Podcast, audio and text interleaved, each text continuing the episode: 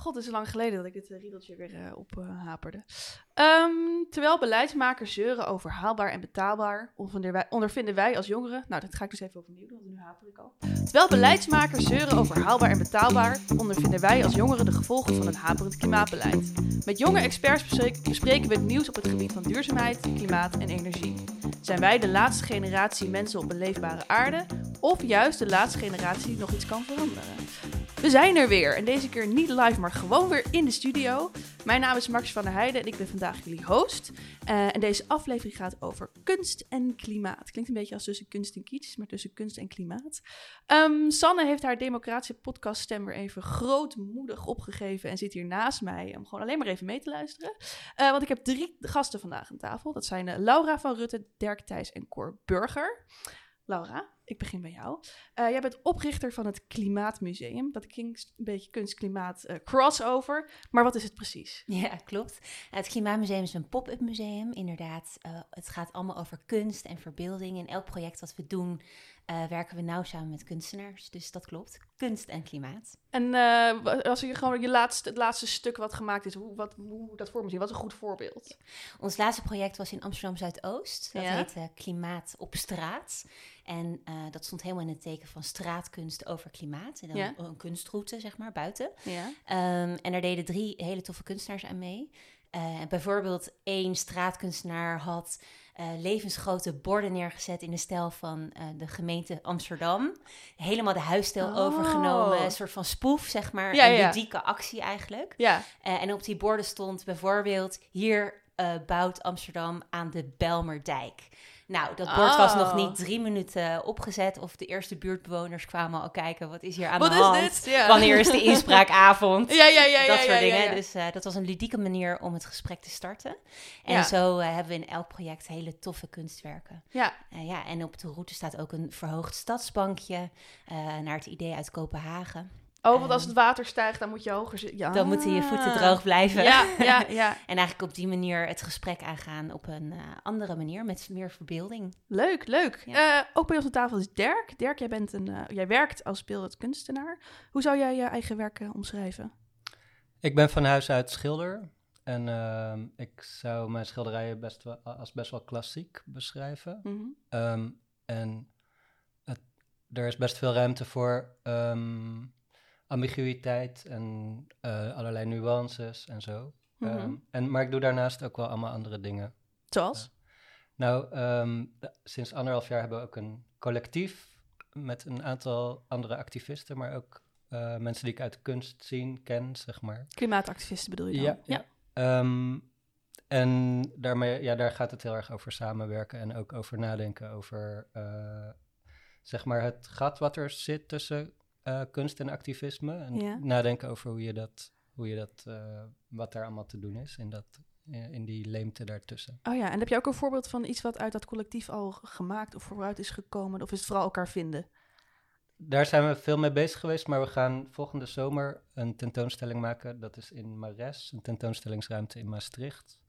Um, en dat heet het Plantier gaat, die tentoonstelling. Dat is een oh. zelfverzonnen woord uh, en dat is natuurlijk een samentrekking van patriarchaat en ja. planten. Dus het wordt een tentoonstelling waar de planten de baas zijn. Ja. Dus het gaat heel erg over een soort fantaseren en uiteindelijk met het doel om misschien anders na te denken over onze omgeving en over niet-menselijke wezens en hoe we ons daarmee verhouden. En ja.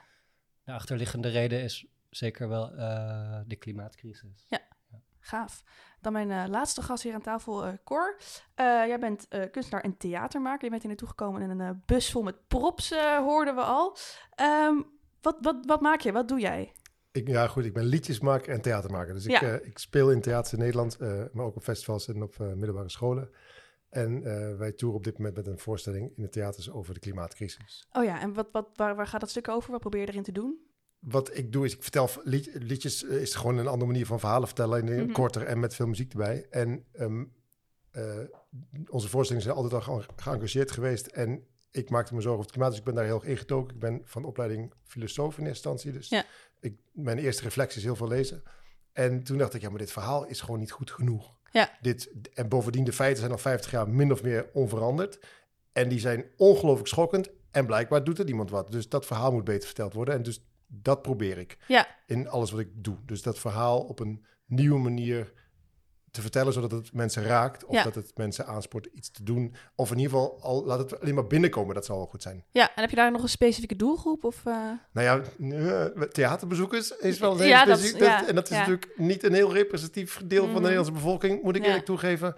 Uh, maar wij spelen dus daarom ook op middelbare scholen. Zodat je Precies. ook ineens 16, 17, 18-jarige leerlingen voor je neus hebt. Maar we spelen ook op MBO en we gaan binnenkort ook naar het HBO. Dus we proberen juist ook ja, op alle andere plekken dit te doen. En hoe reageert een gemiddelde 16-jarige uh, op jullie? Uh... Dat is echt zo wisselend. Dat is we hebben het in Amsterdam gedaan. Daar zie je dat er een behoorlijk besef is van de grootte van het probleem. En uh, daar zit, zijn blijven pubers, daar gaat het niet om. Dus ze zijn wel terughoudend en ze gaan, laten zich niet heel snel kennen. Maar um, we hebben ook in Haaksberg gespeeld in, in Twente. En net vandaag ook nog in, um, in een ja, wat, wat landelijke omgeving. En daar zie je een totaal ander beeld. Ja, dus, ja, ja. Uh, als je in Amsterdam vraagt aan de leerlingen wie maakt zich zorgen over het klimaat, dan gaat 90% van de handen omhoog. Ja. En daar, uh, ja, klimaat, er is wel iets aan de hand, maar ja, uh, oh, nou, ja. dat. Dus dat, en dat, dat is vooral heel wisselend. Maar dat merken we zelfs in theaters. Ja, en jij hoopt juist ook bij die, die, de kinderen waar niet alle handen omhoog gaan, toch een impact te maken, neem ik aan. Ik denk dat je daar juist een impact maakt, want de voorstelling is vrij confronterend. Dus, dus er zal in ieder geval iets, iets binnenkomen. Ja, Alright, um, we gaan door met een leuk feitje. Um, in de dikke van Dalen is een nieuw woord toegevoegd dit jaar. Het woord van 2022, klimaatklever. Dat is een activist die zich aan een object van symbolische waarde vastplakt om de aandacht van het publiek te vestigen op klimaatproblematiek. Nou, volgens mij hebben we het allemaal gezien in het nieuws. Hè? In verschillende plekken in Europa en in Europese musea zijn er klimaatactivisten geweest die zichzelf hebben, nou ja, vastgeplakt uh, aan bekende kunstwerken, zoals het meisje met de parel uh, in het Mauritshuis in Den Haag uh, en een werk van Gustav Klimt in Wenen. Even een rondje langs mijn gasten. wat, wat, wat, wat, was een eerste indruk bij jullie toen jullie dat voor het eerst zagen, Laura? Ja, ik vond het toffe acties. Ja? ja. Um, en, ik, en ik was vooral heel erg benieuwd ook hoe mensen zouden reageren en ja. wat het allemaal zou oproepen, welke emoties. Um, ik moet zeggen, ik vond het een beetje een gemiste kans in de reacties van de musea. Um, in die zin, ik snap hun bezorgdheid en het is hun taak om deze historische kunst te beschermen. Ja. Aan de andere kant hadden ze deze aanleiding ook kunnen aangrijpen om uh, om het debat te voeren. Ja. En, musea zijn maatschappelijke, uh, publieke ruimtes. Ja. En juist eh, urgente thema's zoals klimaat. Het was juist een heel goede aanleiding om het daarover te hebben. Bovendien zijn, zitten ze allemaal met sponsors die natuurlijk best vervuilend zijn. Ja. Dus ik dacht gemiste kans eigenlijk in het debat vanuit die hoek. Ja, want je zou kunnen stellen dat kunst vraagt ook altijd om een reactie. En dit is toch een interactie. En dit is een bepaald soort interactie, een hele heftige interactie. Maar. Nou ja, je kunt, je kunt in zekere zin zou je het zover kunnen brengen dat het een performance is. Precies, ja. Dus, dus uh, kunst op kunst op kunst. Ja, en Ik, ben zelf van mening dat je nooit als doel moet hebben om dingen te, kapot te maken. Ja. En uh, de wet is de wet. En geweld, uh, dat keur ik absoluut, absoluut niet goed. Ja. dus het is een fine line. Ja. Die werd opgezocht. Ja, ja, ja. En dat was wel te merken. Ja, maar goed, dat was waarschijnlijk ook het punt. Dirk, wat was jouw eerste reactie? Ik sluit me best wel ik sluit me aan bij Laura. Um, ja. um, en ik denk in het algemeen... Ja, dus het, het, zeg maar het argument... Ik weet niet of dat heel erg naar voren is gekomen, maar het, idee of het argument dat kunst een soort heilig iets is waar niemand aan mag zitten, ehm, ja, daar ben ik het echt niet mee eens. En ik denk ook dat dat uh, niet productief is. Ja, dat, dat, dat dat leidt tot een soort situatie waarin kunst een soort escapisme wordt. Um, mm-hmm. Dat het museum een soort fijne plek is waar je met je rug naar de wereld uh, mooie dingen kan bekijken. Ja. Ik denk dat dat het echt het laatste is wat we nodig hebben. Dus in die zin kan ik eigenlijk wel helemaal achter die actie staan. Ja, wordt bijna een soort conservatieve safe haven dan zo'n museum. Ja, ja, Daar, die, die kant zou het op kunnen gaan. En ehm, ja, en wat Laura ook al zei, wat, wat, wat mij betreft ook in beeld moet blijven, is dat helemaal bijvoorbeeld zo'n museum als het Mauritshuis, dat is natuurlijk ook een soort geldmachine waar allemaal toeristen heen vliegen van over de hele wereld. Vliegen, en ja. Dus de verontwaardiging, ja, ik weet niet of die, in hoeverre die verontwaardiging nou echt over het meisje met de parel gaat of over misgelopen inkomsten. Of, ik ben wel sceptisch over um, de reacties. Cor? Ja, het wordt een beetje saai, maar ik sluit me hier ja, volledig ja, mag, ja. Het, uh, het, voelt ontzettend wereldvreemd om, um, om je als kunst te onttrekken aan die crisis en te doen alsof die niet bestaat. Ja. Um, en dat is wat, dat is wat het mij het, het, gaf mij het gevoel dat de, de musea dachten: nee, maar wij hebben niks met die crisis te maken, dus laat ons met rust. Wij proberen alleen maar die, die dingen te mhm. bewaren. Alsof de plek waar je die dingen bewaart niet op het spel staat. Ja. En dat is echt. Dus we begonnen. Wat mij ook opviel was inderdaad vooral financiële argumenten. Ja, de verzekering wordt nu duurder. Ja. Uh, hallo, de straks, straks, Maurits staat onder water straks. Ja, ja, ja, wat denk je wat de verzekering, wat dat, dat gaat geld kosten hoor. Ja, ja, ja, ja. Dus het is heel wereldvreemd om te doen alsof het inderdaad een afzonderlijke ruimte is waar dan kunst bestaat. En dat is inderdaad heilig gemaakt door ons. Het is van onschatbare waarde, altijd toch met financiële waardes erachter, want het is voor zoveel aangekocht. Ja. Terwijl het staat op het spel. En dat is wat deze mensen duidelijk maken. Dat, je, dat zij zich niet kunnen onttrekken aan die crisis, dat het ook de kunst aangaat. Ja, wat je ook nog wel hoort is dat hè, mensen zeggen van een museum is bedoeld om dingen ook te conserveren, te behouden, onze eigen cultuur behouden. Maar hoe gaan wij op dit moment om met onze eigen leefwereld? Ja, maar die, die, dat museum staat in die leefwereld. Precies, dus die, dat is onderdeel van, ja. Ja. Het is heel raar om te denken dat je dat afzonderlijk, dat als Amsterdam onder water komt staan, maar dat, nee, maar dan kunnen we de musea in Amsterdam, die kunnen we gewoon bewaren. Nee, natuurlijk niet. Die blijven wel drijven. Nee, waar, waar ik zelf, ik, ik, ik had natuurlijk ook met mensen in mijn omgeving hier dan discussies over, dat mensen dan tegen mij zeiden van, ja, weet je, dat klimaatactivisme allemaal leuk en aardig, maar met dit soort acties ben je me kwijt. Dat ik denk, ben, ik jou kwijt? De, de klimaatverandering zelf zou al genoeg reden moeten zijn om niet dat kwijt te raken. Hoezo is dit überhaupt nog een discussie? Nou, het is wel interessant dat je dat zegt, want uit allerlei onderzoek blijkt juist dat dit soort acties het debat oprekken. Ja. Dus wat zij doen is eigenlijk een vrij extreme actie, waardoor andere uh, uh, ideeën ja. uh, normaler gevonden worden. Dus in die zin is het ook dat choqueer-effect, dat shock-effect, ja. is misschien ook juist effectief. Ja, dus als, als inderdaad zo'n, wat is het, Just Stop Oil, volgens mij hiermee begonnen. Als die zoiets heftig doen, dan krijgen mensen weer meer respect voor, weet ik veel, een Greenpeace of zo. Of een milieudefensie. Klopt. Ja. hey, uh, terug naar de link tussen kunst uh, en klimaat. De meeste van onze afleveringen die we gemaakt hebben, waren best wel, nou ja, technisch of meer sociaal uh, ingestoken. We een aflevering over waterstof, maar ook een aflevering over vragen wil ik wel kinderen. Uh, maar wat is nou toch het klimaat en kunst? Wat maakt kunst toch belangrijk in zo'n klimaat? beweging, in, in het geval van activisme, maar ook de energietransitie zelf. Is, het, is kunst ook een manier om misschien juist ook wel weer te ontsnappen aan zoiets zwaars als klimaatverandering? Cor, ik zie jou lachen. Nou ja, kijk, mensen die naar een voorstelling gaan, die willen ook gewoon een leuke avond. Ja. Hoe dan ook. En ergens moet ik ze die bieden. Ja. Want anders ben ik de verkeerde. Nou, als ik terugkom, komen mensen niet meer terug. Dus, maar tegelijkertijd merk ik dat uh, dat kunst op een andere manier iets kan vertellen dan de wetenschap. Wij, hebben, wij gaan niet vertellen hoeveel parts per miljoen CO2 er op dit moment in de lucht is, want dat is totaal irrelevant. Ja. Uh, wij moeten dat probleem voelbaar maken. Dat mensen ergens geraakt worden. Nou, mijn manier is mensen even te laten lachen en dan zetten mensen een deurtje open. Ja. Je lacht en daarna ben je medeplichtig van wat er... Je kan dan niet zeggen, ja, maar dit vond ik grappig, maar, maar dit wil ik niet horen. Zo werkt het niet in de ja. voorstelling. Dus dan kun je ze ergens op een andere manier raken dan, dan je met een krant of met een, met een column kan. Ja. Dus en ik denk dat daar een, een, een, taak is weggelegd ook voor de kunst om dat te doen. Ja. Dat verhaal te vertellen, dat het voel, invoelbaar wordt. Ja, en uh, Dirk, kijk even naar jou. Je hebt met de plantenjaar gaat. Probeer jij een bepaald verhaal te vertellen. Hoe, hoe zit die balans tussen aan de ene kant dat verhaal vertellen... maar aan de andere kant denk ik ook gewoon iets heel moois maken?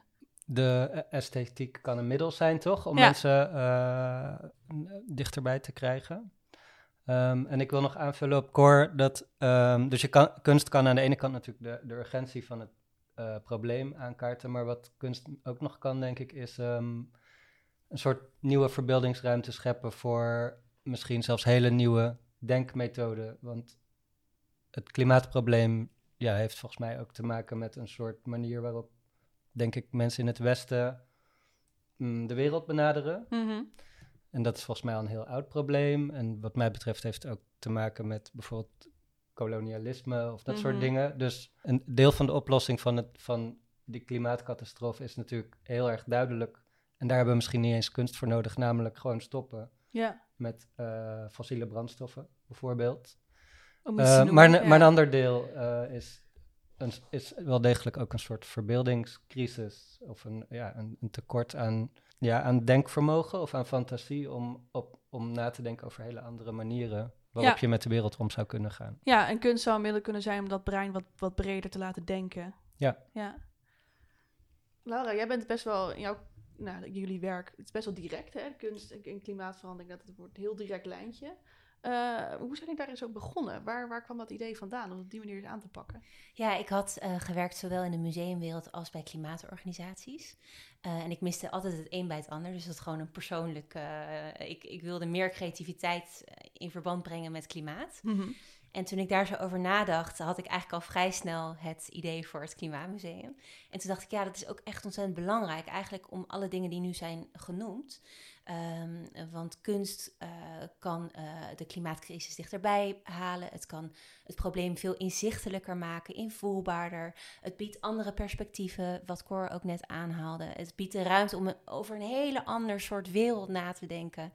En dat is super belangrijk. Want ik zeg altijd: pas als we ons een duurzame wereld kunnen voorstellen, kunnen we die wereld pas creëren. Ja. En ja, um, kunst en kunstenaars en creatievelingen kunnen daaraan bijdragen. Ja. op een hele andere manier dan feiten. Ja. Want het gaat erom dat we in beweging komen. En wat wel is gebleken, is dat het tot nu toe nog niet heel uh, lekker gaat. en is het dan ook een persoonlijke uitlaatklep? Uh, ja, uh, ik denk het wel. want sowieso actie voeren is volgens mij een hele goede remedie tegen uh, klimaatdepressie. Mhm. Eh, dat je het idee dat je iets doet. Mhm. Gewoon uh, niet passief erin staan en machteloos zijn, maar dat je het idee hebt, ik draag bij aan de oplossing. Ja. dus, en dat geldt ook voor mij. En in mijn geval is dat een persoonlijke voorkeur voor creativiteit. maar het had ook ehm, juist rapporten schrijven kunnen zijn. Ja, ja. Hoe is het voor jou? Is dit ook voor jou een manier om met het doemscenario wat op ons afkomt om te gaan? Ja, nee, zeker. En, en ehm, ik ben hier heel rationeel in gegaan. Ik heb gewoon heel veel gelezen en dan, nou ja, ik heb IPC-rapporten doorgenomen, maar ook alle relevante boeken wel gelezen, denk ik. En uh, ergens is er een omslag gekomen dat ik merkte dat ik daar emotioneel door geraakt werd en niet meer op een normale manier normaal kon functioneren, omdat ik wist wat ons te wachten staat. Ja.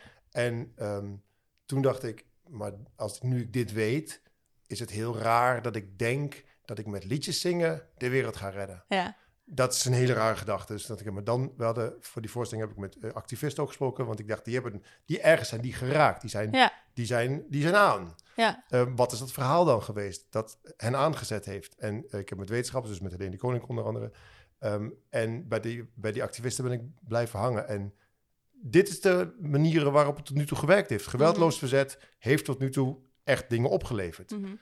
hey, maar het wordt steeds een stapje heftiger. We gaan steeds toch een stapje verder. Je hebt nu in Duitsland, volgens mij die beweging, uh, moet je even helpen bij het woord. En de kalender. En nee, dat is... Laatste generation. Laatste generation. Die bedoel ik, Ik dacht dat jullie podcastnaam daar vandaan kwam. Nee, nee, dat, dat, dat, staat, dat staat er helemaal los van. Wel grappig inderdaad. Maar eh, dat, je hoort ook best wel in, in de activistische kringen discussies over van hè, wanneer, wanneer gaat het, wordt het geweld toch een keer gewelddadig. Dat boek volgens mij van How to Blow Up a Pipeline, dat gaat daar helemaal over. Uh, als we hem ook eventjes verbinden aan, aan, toch ook kunst en klimaat, gaat de kunststroming daarbinnen ook radicaler worden? Gaan we ook radicale klimaatkunst maken? En hoe ziet dat dan, dan eruit? Ik zag toevallig uh, een artikel op The Guardian gisteren. Um, het ging over een Argentijnse kunstenaar, die heet Thomas Saraceno. Mm -hmm. um, en die uh, maakt onder andere hij werkt samen met spinnen. Ik denk dat hij het zo zou zeggen. Hij werkt samen met spinnen. Ja, dus er zijn hele grote spinnenwebben. Mm mm, en die worden tentoongesteld. Die zitten volgens mij in een soort glazen boxen of zo. Ik vind het interessant om na te denken over of kunst iets is wat alleen mensen maken of ook andere wezens.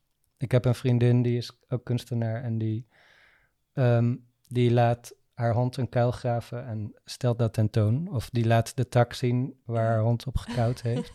en dat, ja, dus misschien dat dat ook ver afstaat uh, direct van de klimaatcrisis. Maar ik denk wel dat het allerlei nieuwe wegen opent die daar toch weer best snel uh, mee te maken hebben. Ja, want ik, ik zit te luisteren, ik te denken dat het lijntje wat jouw vriendin naar mij eigenlijk opengooit, is ten eerste alles kan dus kunst zijn. Wat kunst is, dat bepalen we zelf.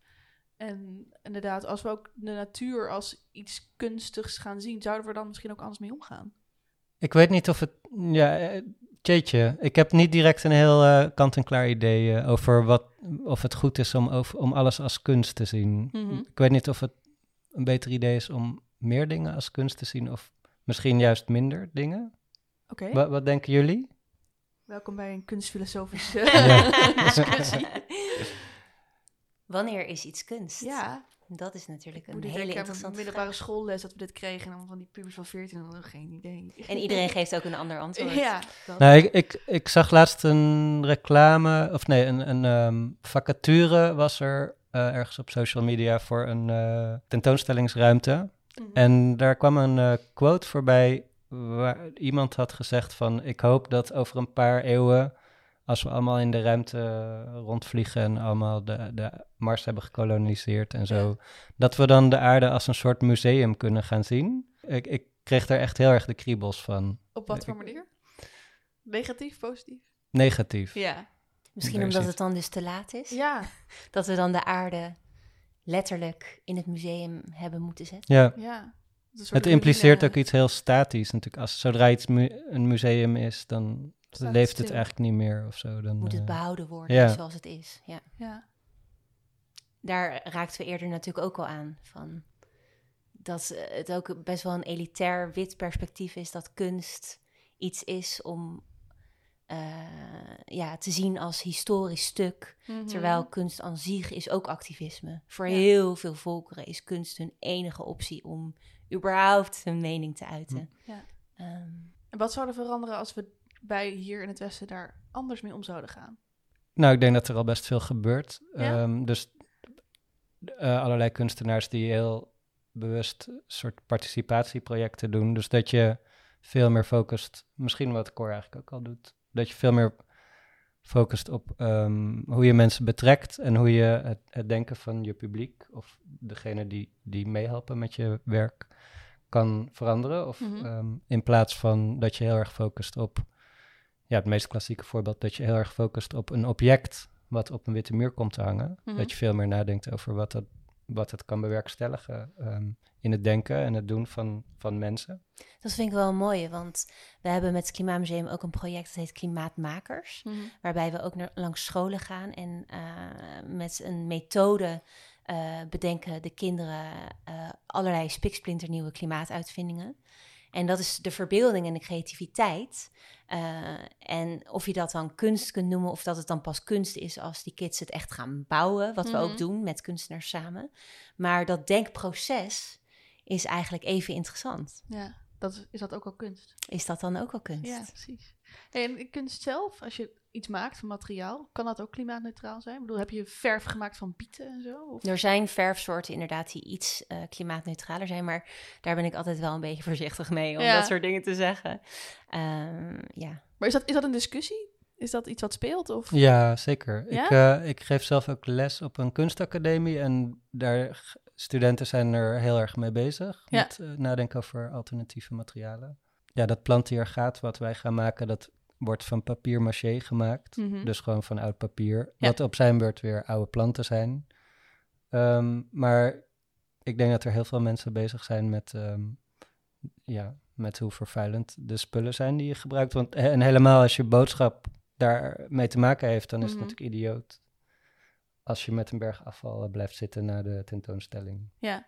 Nou ja, wij, wij zijn er, precies omdat wij een voorstelling hebben die de klimaatcrisis uh, in het gezicht wrijft van de bezoekers.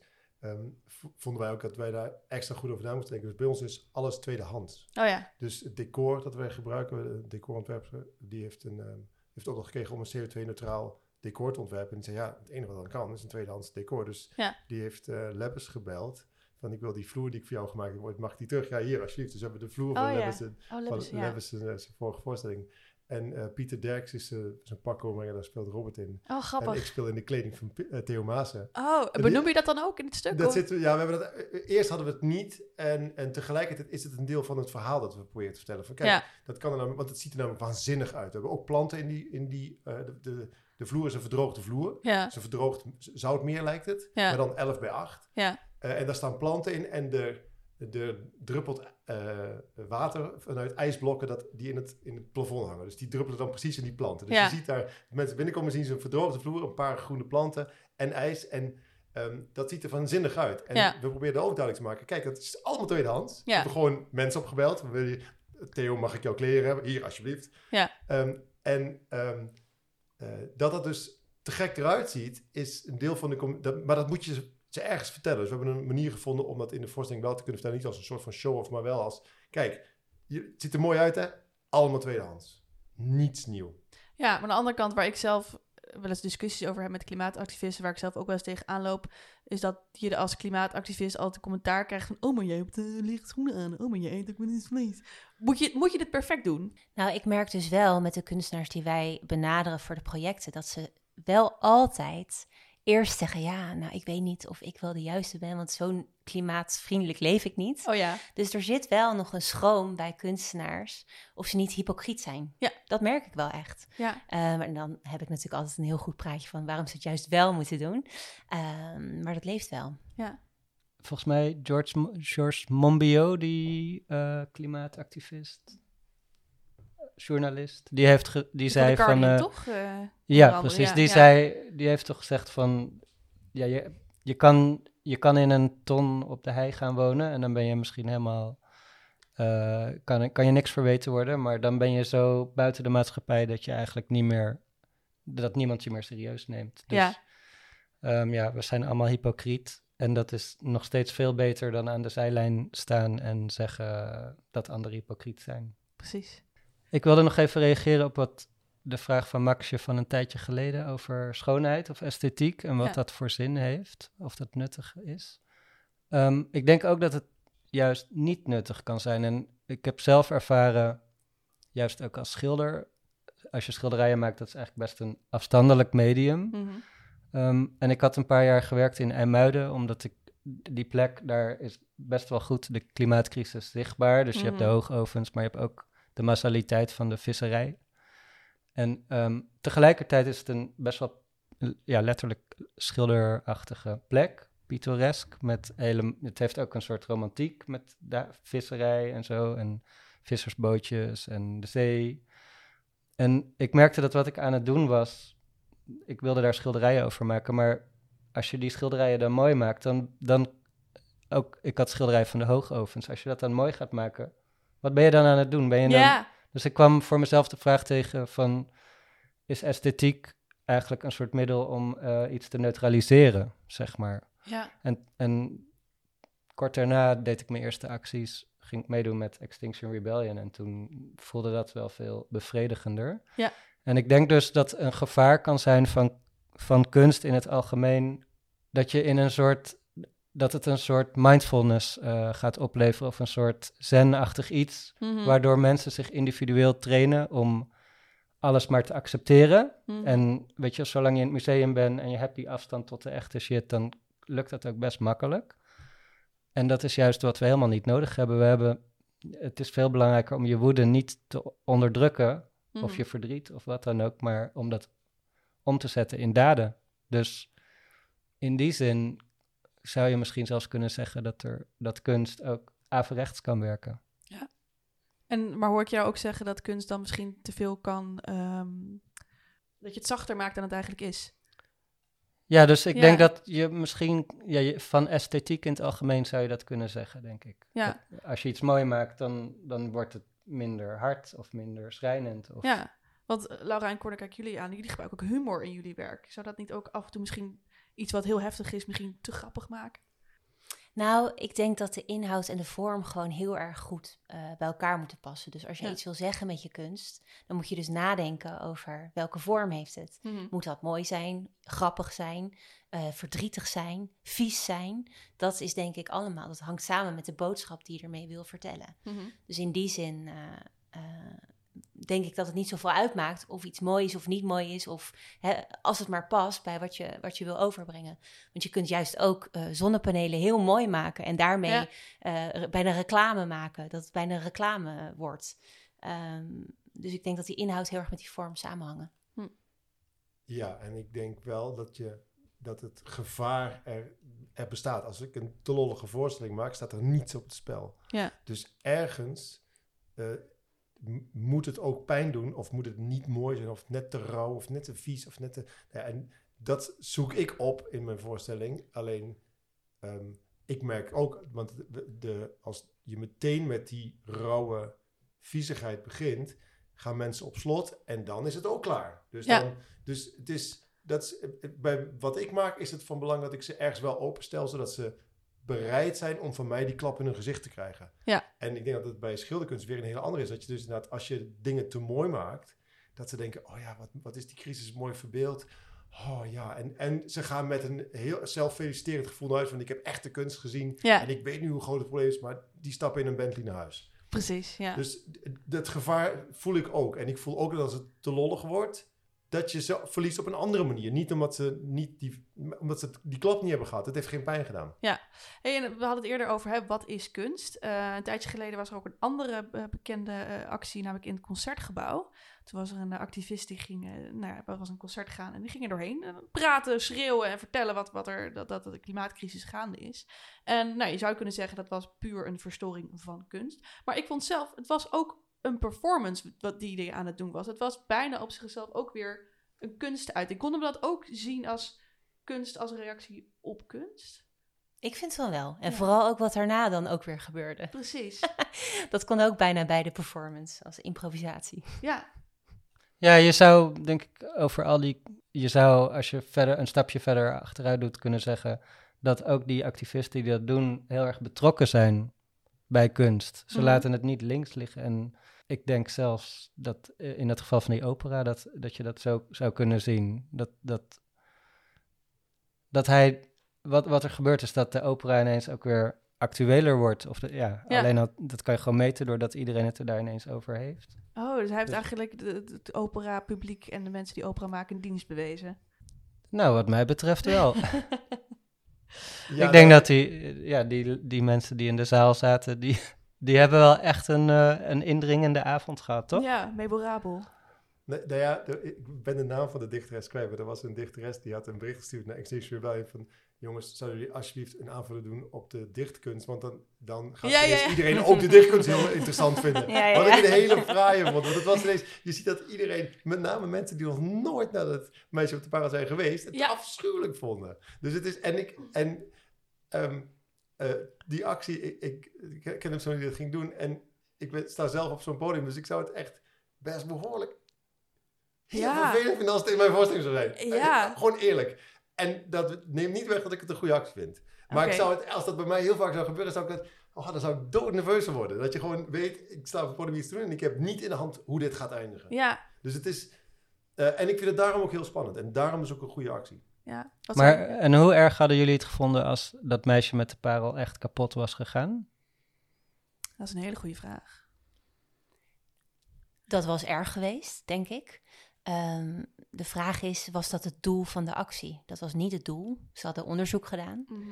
Ehm, het doel was niet het kapot maken van het meisje met de parel. Het had wel een neveneffect kunnen zijn. Ja.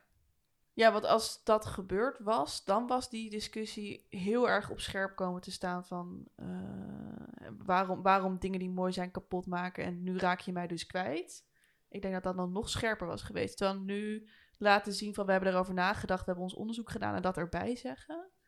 Ja, ik vind het ergens ook weer stom. Ik denk dat wat ik, wat ik eerder ook zei, van dat zou je niet eens moeten uitleggen. Dat het zou geen discussie moeten zijn, maar ik denk dat dat voor nu een stap te ver zou zijn geweest. Maar misschien over vijf jaar niet. Hey, en, eh, kijk, in 2021 was het. Dit gaat weer over dat woord van het jaar. Hè? Dus eh, wat was het? Eh kleef, Klimaatklever. klimaatklever. 2021 was prikspijt. De 2020 was het anderhalf eh, meter samenleving. Wat zeggen dat dit, dit jaar toch dan zo'n woord wel het woord van het jaar was? Dat is, het is toch een trend gaande dan? Ja, en hopelijk blijft die trend natuurlijk. Eh, corona is nu klaar, Ja. hopelijk. Ja. Ehm, laten we het hopen. Ehm, maar het zou natuurlijk mooi zijn, misschien kunnen we er een sport van maken om volgend jaar weer ja. een klimaatwoord het woord van het jaar te laten zijn. Dirk, ik zag jou. eh, Ik was best verbaasd.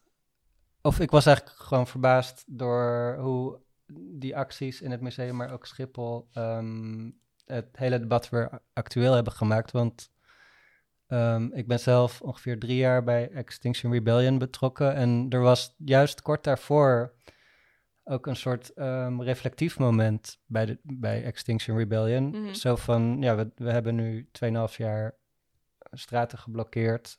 Gaan we dit gewoon de hele tijd door blijven doen? Mhm. Ieder half jaar weer grote acties doen? Of wordt het tijd voor een, um, ja, voor een verandering. Ook natuurlijk in het licht van dat er in die 2,5 jaar allemaal andere bewegingen uh, zijn begonnen, zoals Black Lives Matter, maar ook de boerenacties en zo. Mhm. Die voor een deel, voor een deel, maar uh, uh, niet helemaal natuurlijk, maar hetzelfde soort strategieën gebruiken. Dus ja. dat was ook een reden om na te denken over hoe het dan verder moet. Um, maar ja, dus ik zelf had ook zo'n moment van, nou, misschien was dit het dan met Extinction Rebellion. En ik denk dat er oh. nog wel meer mensen waren die daar zo over nadachten. Ja.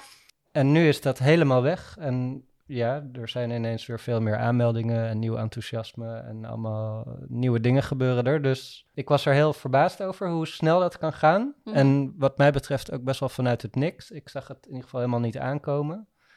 En ja, hoe dan ineens alles weer, alle perspectieven weer zijn veranderd. Ja. Soep voor het klimaat. Precies. ja. Nou, ik denk dat de conclusie wel kan zijn dat een beter klimaat onder andere begint bij de verbeelding. Ja, heel mooi, heel mooi. Alright, um, dit was De Laatste Generatie, de podcast die pas stopt als het niet meer nodig is. Wil je ook je stem laten horen en reageren? Dat kan nu via onze Instagram, het podcast De Laatste Generatie. Volg ons voor updates over nieuwe afleveringen of sluit in onze DM's. Uh, en als je niet van social media bent, dan kun je ook gewoon een e-mailtje sturen naar sanne.tertium.nl. Dat is T-E-R-T-I-U-M.nl. Iedereen aan tafel super bedankt. Jij ook bedankt. Um, deze podcast werd gemaakt door Tertium, redactie Sanne Schuler, logo Sebastien, Sebastiaan Bejon en Carla Tenkate, muziek Elians Productions en tot de volgende.